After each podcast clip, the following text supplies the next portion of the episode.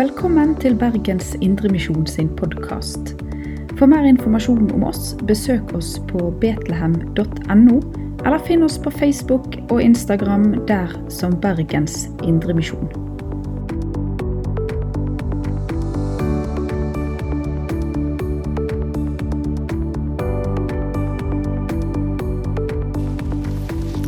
Ja, takk for eh, velkomst. Ja, den bruker jeg ikke, nei. Har jeg tatt den riktig på, eller ser det helt crazy ut? ja, det er bra.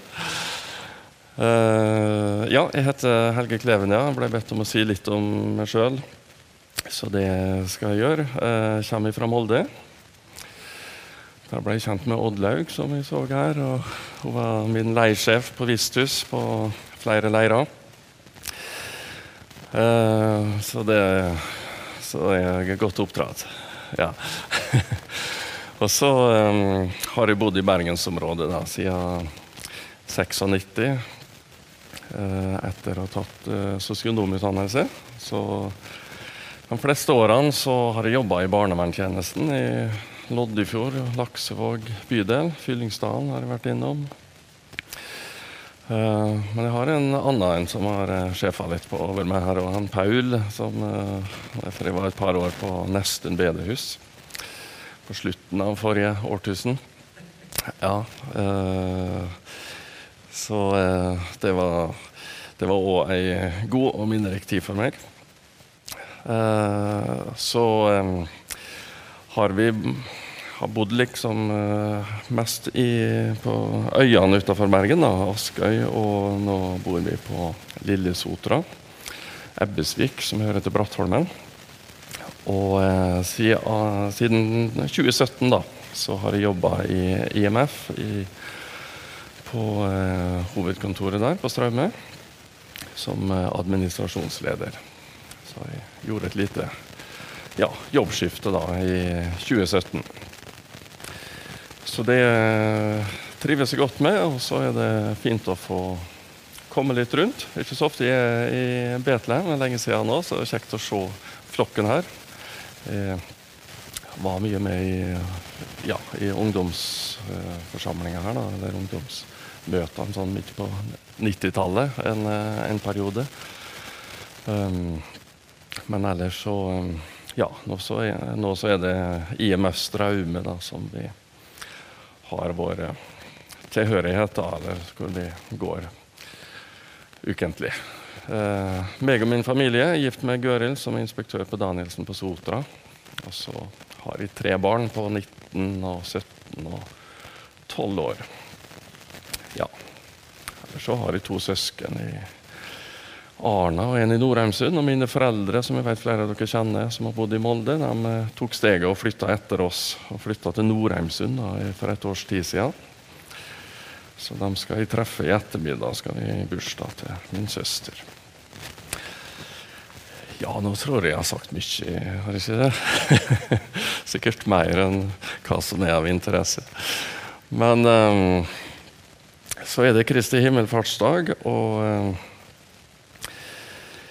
Eh, vi skal dele med hverandre ja, en annen tekst også, av, av, de tekstene som er oppført i dag, fra apostelgjerningene 1. Så eh, skal vi lese sammen eh, de elleve første versene der.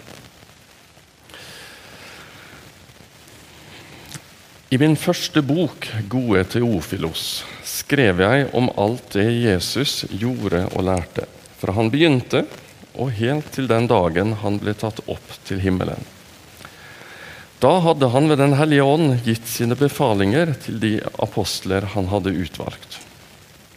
Etter å ha lidd døden sto han levende fram for dem med mange klare bevis på at han levde.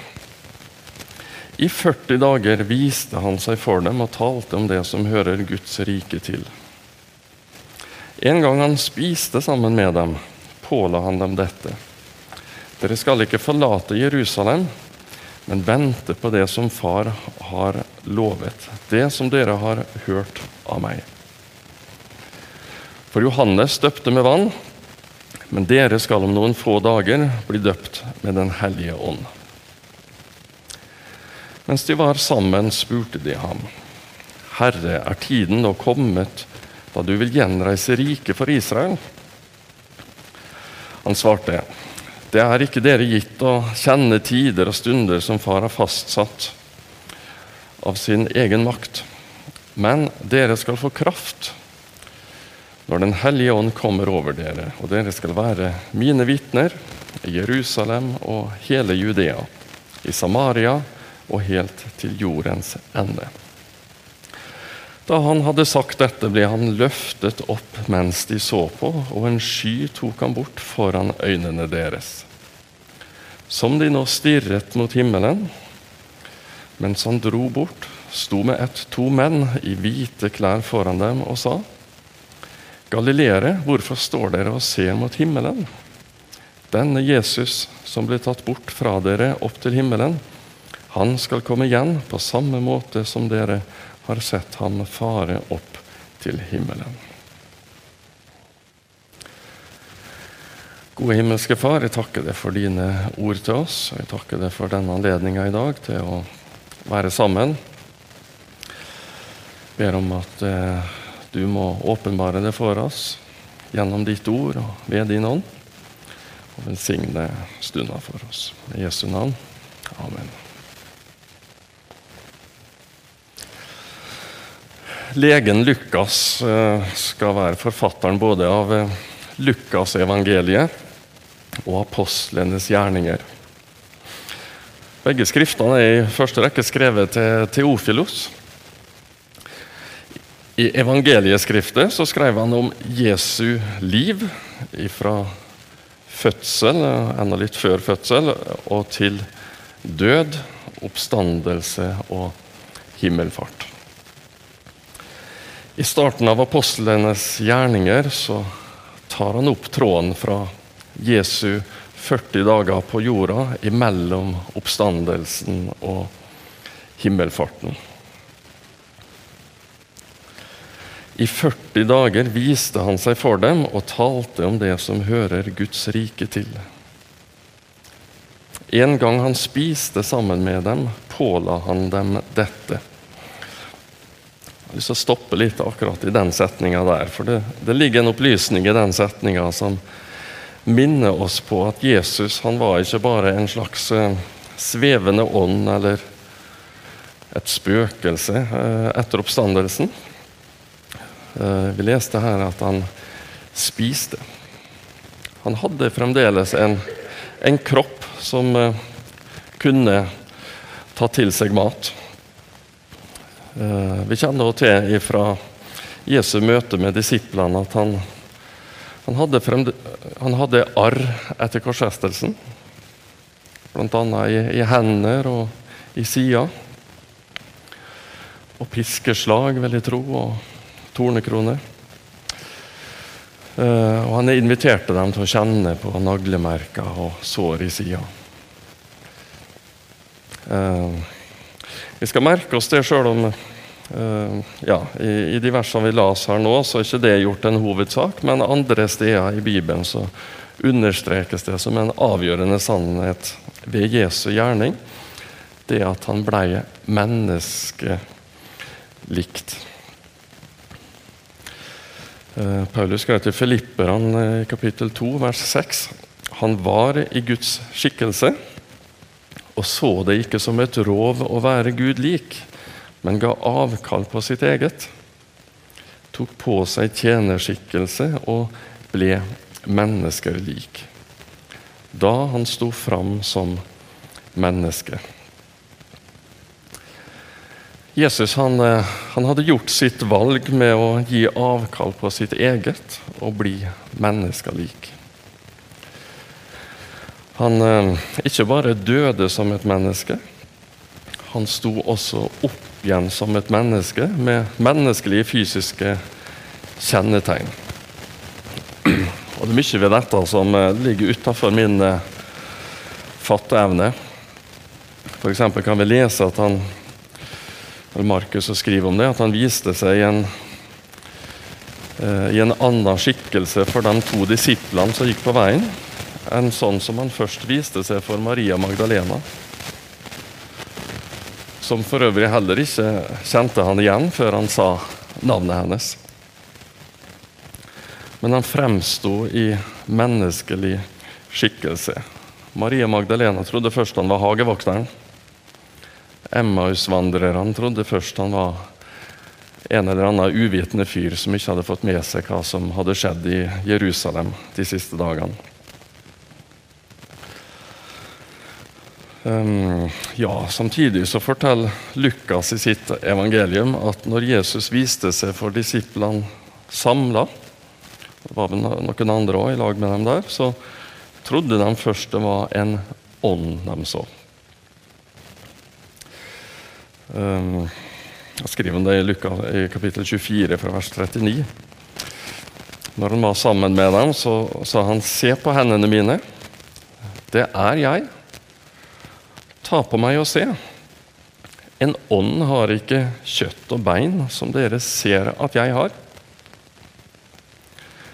Dermed viste han dem hendene og føttene sine. Da, da de i sin glede ennå ikke kunne tro, står det, men bare undret seg, spurte han dem har dere noe å spise. Og De ga ham et stykke stekt fisk. Noen av oversettelsene er da tilføyd at han fikk en, et stykke av en honningkake. Og han tok det og spiste mens de så på.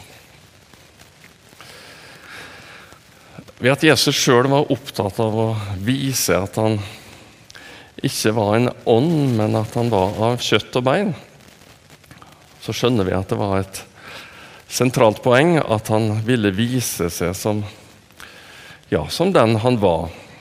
Han var Guds sønn, oppstått fra de døde, samtidig fullt og helt som et menneske. Han var lik dem. Han var lik disiplene. Tilbake til eh, kapittel 1 i apostlenes gjerninger. Vi leste at en gang han spiste sammen med dem, påla han dem dette.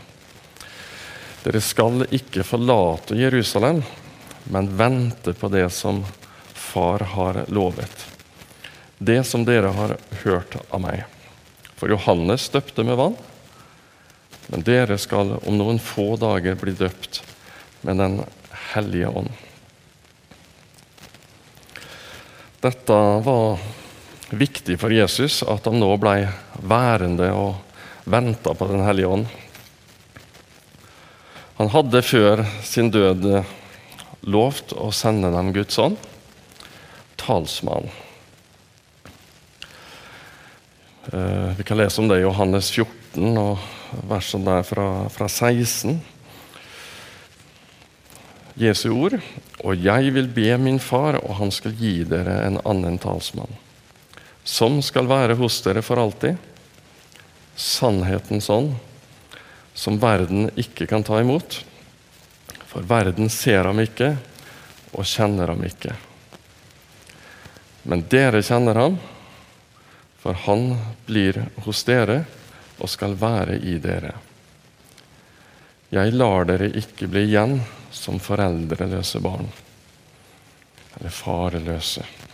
Jeg kommer til dere.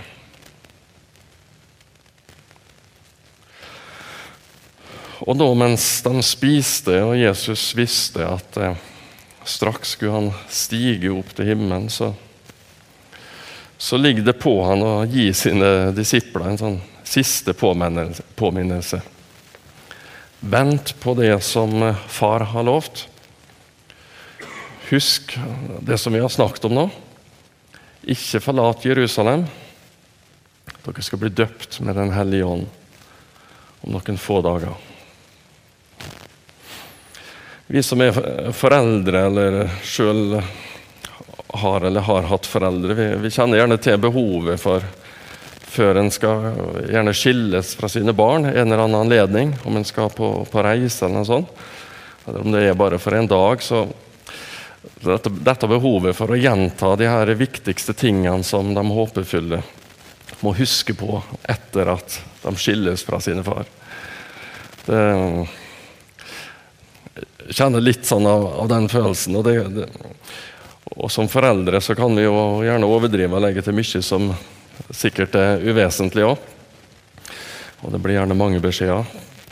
Men Jesus han visste hva som var noe viktig at disiplene fokuserte på. Og han ga sine siste beskjeder. Han kjente sine disipler, han visste at de var fulle av undring, av spørsmål og masse ulike følelser. Og så Når de deretter begynner å spørre da, Herre, er tiden nå kommet at du vil gjenreise riket for Israel? Ja, så er det nesten som at Jesus bare må parkere en avsporing og minne dem om å holde fokus. Det er ikke dere gitt å kjenne tider og stunder som far har fastsatt av sin egen makt. Men dere skal få kraft når Den hellige ånd kommer over dere. Og dere skal være mine vitner i Jerusalem og hele Judea, i Samaria og helt til jordens ende. Da han hadde sagt dette, ble han løftet opp mens de så på,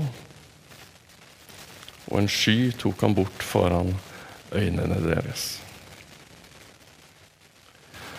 Jeg prøvde liksom å forestille meg hvordan var dette for disiplene. og det, det er vanskelig å leve seg inn i det, men eh, jeg ser litt for meg sånn, På 17. mai så er det jo gjerne noen barn som mister ballongen sin. Sant? Og, eh, jeg har opplevd det sjøl. Men det er du, eh, sånn som her i Bergen eh, sentrum på 17. mai, på Torgallmenningen, så er det garantert at det er noen ballonger som, som letter. Uh, og jeg har noen anledninger stått og kikka. Liksom. Hvor lenge kan jeg følge med denne ballongen? ser du han, og så er det kanskje litt vind, og så flytter han på seg. og Så blir han mindre og mindre. Hvis det er klarvær, så kan han følge med ganske lenge. Så er det ei sky, så er det bare en bitte liten prikk, og til slutt så er du litt usikker. Er det den ballongen, eller? Ja.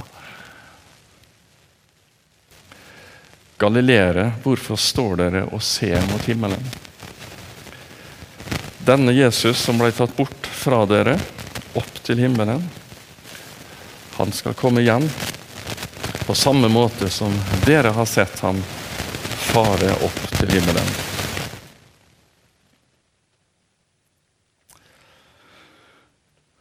Og så skjønte de at med dette så var en, en fase over. De gikk ned fra Oljeberget, inn i Jerusalem og samla seg i salen hvor de pleide å være. og De var sammen der og holdt sammen i bønn.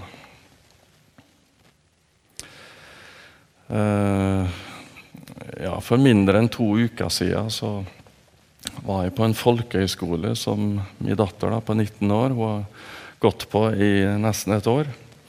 Og det var avslutningsfest. Og Flere av dere har gjerne gått på folkehøyskole eller bibelskole eller annen internatskole. og Hvis dere har gjort det, så husker dere gjerne den følelsen fra siste dagen, avslutningsfesten. Og um, hvor en fase er i ferd med å avrundes, og noe nytt og ukjent står liksom eh, for tur. da. Og um, det var finvær den da, avslutningsdagen på, der eh, med, med, min datter. Og etter avslutningsfesten så sto alle elevflokkene sto ute. og de sto og tok farvel, og foreldre sto tålmodige og venta. Jeg tror det gikk, det gikk, et par timer, egentlig. hvor den der, ja, Ingen ville egentlig videre. Ingen ville liksom ta det steget og sette seg i bilen og kjøre. For de, de visste hva de hadde, og de hadde opplevd noe mye godt sammen. Og eh, selv om de hadde snakket mye på skolen om eh, det å være disippel og, og eh, veien videre og holde kontakt med hverandre og sånn, så, så var det et steg videre som prega dem. Um, ja. Og, um, og vil tro at disiplene kjente veldig på dette at med dette nå, så nå er det en overgang. Uh, Jesus har sagt mye om uh, at dette skulle skje, og hva som skal skje videre. Men vi vet jo ikke helt hvordan det blir. sant? For disiplene så hadde de siste ukene før Jesu himmelfart vært en uh, berg-og-dal-bane, tror jeg. altså. Mye av det som Jesus hadde snakka om og forberedt dem på, tror jeg var vanskelig å, å fordøye. Først etter at han skulle dø. Og så skjedde jo det. Og det skjedde på brutalt vis. Og han var ikke blant dem lenger. Men så viste han seg likevel. Han var oppstått. Og Samtidig så hadde han sagt at han skulle forlate dem, at han skulle sitte ved Guds høyre hånd. Og Nå hadde de med egne øyne sett han forsvinne opp i skyene. Det var naturlig for disiplene å holde sammen i bønn og snakkes sammen. Sannsynligvis om mye av det som hadde skjedd, men ikke minst nå om veien videre Å be sammen. Hva nå? Jesus hadde sagt at de skulle være hans vitner. Og de skulle geografisk langt ut med budskapet til jordens ende. Alle folkeslag skulle gjøres til disipler. De skulle døpe dem og lære dem det som de sjøl hadde lært og blitt befalt av eh, Jesus. Kristi himmelfartsdag eh, er en påminnelse til oss om at Gud har tenkt en vei videre for oss. Der vi er, vi er gitt et oppdrag. Det er gitt oss å fortsette oppdraget som disiplene begynte, med å være vitner. Sånn som evangeliet om Jesus skal være kjent over ja, Sånn at det skal være kjent over hele verden og, og til nye generasjoner. Det er fremdeles mennesker som trenger å høre vitnesbyrd om Jesus og hans frelsesgjerning for menneskene. Vi trenger alle å høre det, og noen trenger å høre det for, for første gang. Til dette oppdraget så har Gud sendt sin talsmann til sine barn på jorda. Den hellige ånd, som disiplene skulle vente ennå ti dager på utgytelsen av etter Jesu himmelfart. Guds ånd som etter pinsedagen har tatt bolig i alle som tror. Ånden er gitt oss som pant i våre hjerter, skrev Paulus til korinterne. Og når Gud kan bruke oss til dette oppdraget, så er det fordi at det er Han som virker gjennom oss når vi stiller oss til rådighet for Han.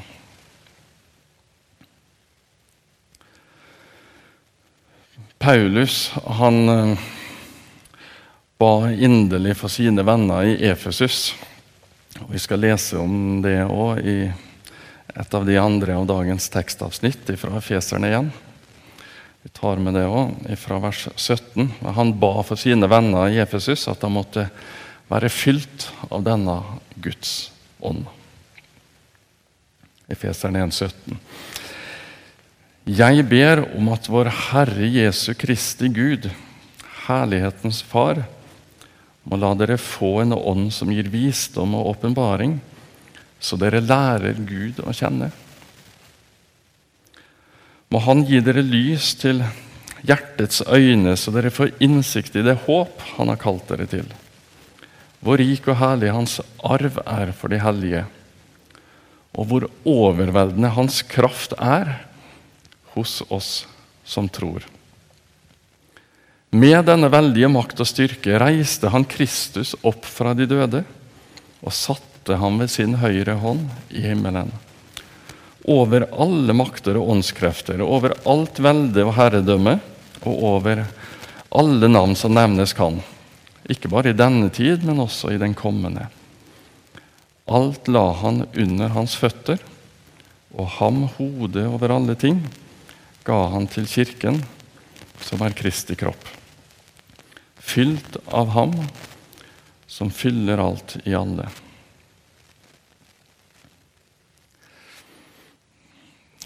I denne sammenhengen, for virkelig å understreke hva for en kraft Gud har gitt oss del i, så er det at Paulus han, han viser til hva den samme Guds kraft allerede har vist seg i stand til. Nemlig å oppreise Kristus fra de døde, for deretter å sette han ved Guds høyre hånd i himmelen. Jeg vil tro Paulus kunne trukket fram et rikt utvalg av andre eksempler på hvor veldig Guds kraft er. Gud som er skaper av alt som er skapt, himmel og jord og alt som har liv i seg. Han som var Abraham, Isaks og Jakobs far. Han som eh, fridde folket sitt fra slaveriet i Egypt på underfullt vis. Og leda dem gjennom, leda dem gjennom Rødehavet og ørkenen til landet som han hadde lovt. Men for å poengtere hvor overveldende Guds kraft er hos dem som tror, så minner han om at det var med denne veldige makt og styrke Gud reiste sin sønn opp fra de døde og attpåtil satte ham ved sin høyre hånd i himmelen.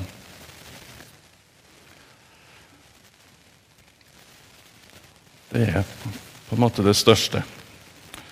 For der ved Guds høyre hånd sitter han over alle makter og åndskrefter, over alt herredømme, over absolutt alle navn som kan nevnes. Ja, akkurat betydninga av at Jesus ble satt ved Guds høyre hånd forstår vi nok veldig begrensa, i hvert fall eh, for egen del. Så gjør jeg det, og andre kunne nok sikkert lagt ut mer om det.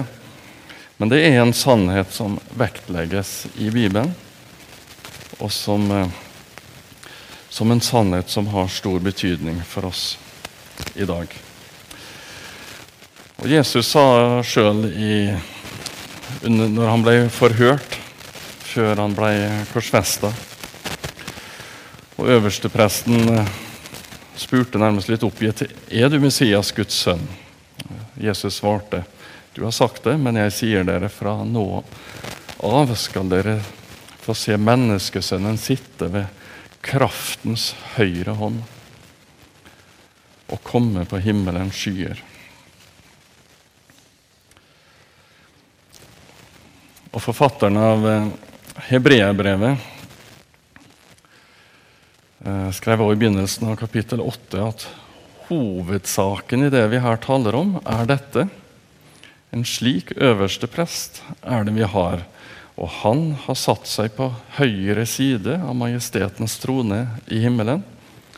Der gjør han tjeneste i helligdommen, den sanne telthelligdommen som er reist av Herren selv, og ikke av mennesker.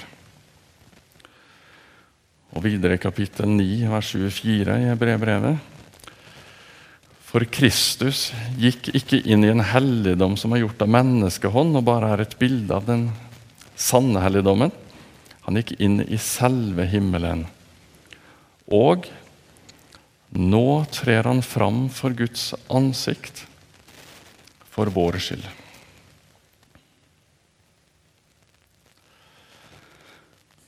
Vi har hørt om at det var i menneskelig skikkelse at Jesus var sammen med disiplene. Og det var han da han eh, ikke gjennomgikk noen ny forvandling, men da han ble løfta opp som han var til de ikke lenger så han av den skya som kom foran. Og han gikk deretter inn i den sanne helligdommen, i selve himmelen, i menneskelig skikkelse, for å tre fram for Guds ansikt, lik menneske, for vår skyld. Fra at Gud hadde sett mennesket Adam som menneskeslektens stamfar, som pga. synd var atskilt av Gud, så var det nå et annet menneske som trådte fram for Guds ansikt. En ny Adam. Som stamfar for ei ny slekt ei åndelig slekt av de som, var, som er født på ny. Nå trer han fram for Guds ansikt for vår skyld. Tenk på det at når Gud i dag ser mennesket Jesus, så ser han deg og meg som har kommet til tro på ham. Og sånn, på den måten har vi blitt født på ny inn i den nye slekta med Jesus som vår stamfar. Når Gud sånn ser deg, så ser han et fullkomment menneske. Et prøva menneske. Han ser et levd liv, men uten synd. Et menneske som herliggjorde Gud på jorda. Sjøl har jeg ofte ønska at jeg kunne herliggjøre Gud med, med mitt liv i en, i en, helt annen skala enn det jeg har makta å, å kjenne at jeg makter. Av og til ja, usikker på i hvor stor grad jeg er med å herliggjøre Gud. Eh, samtidig så kan jeg leve i visshet om at Gud er tilfreds. For han ser Jesus som har herliggjort ham.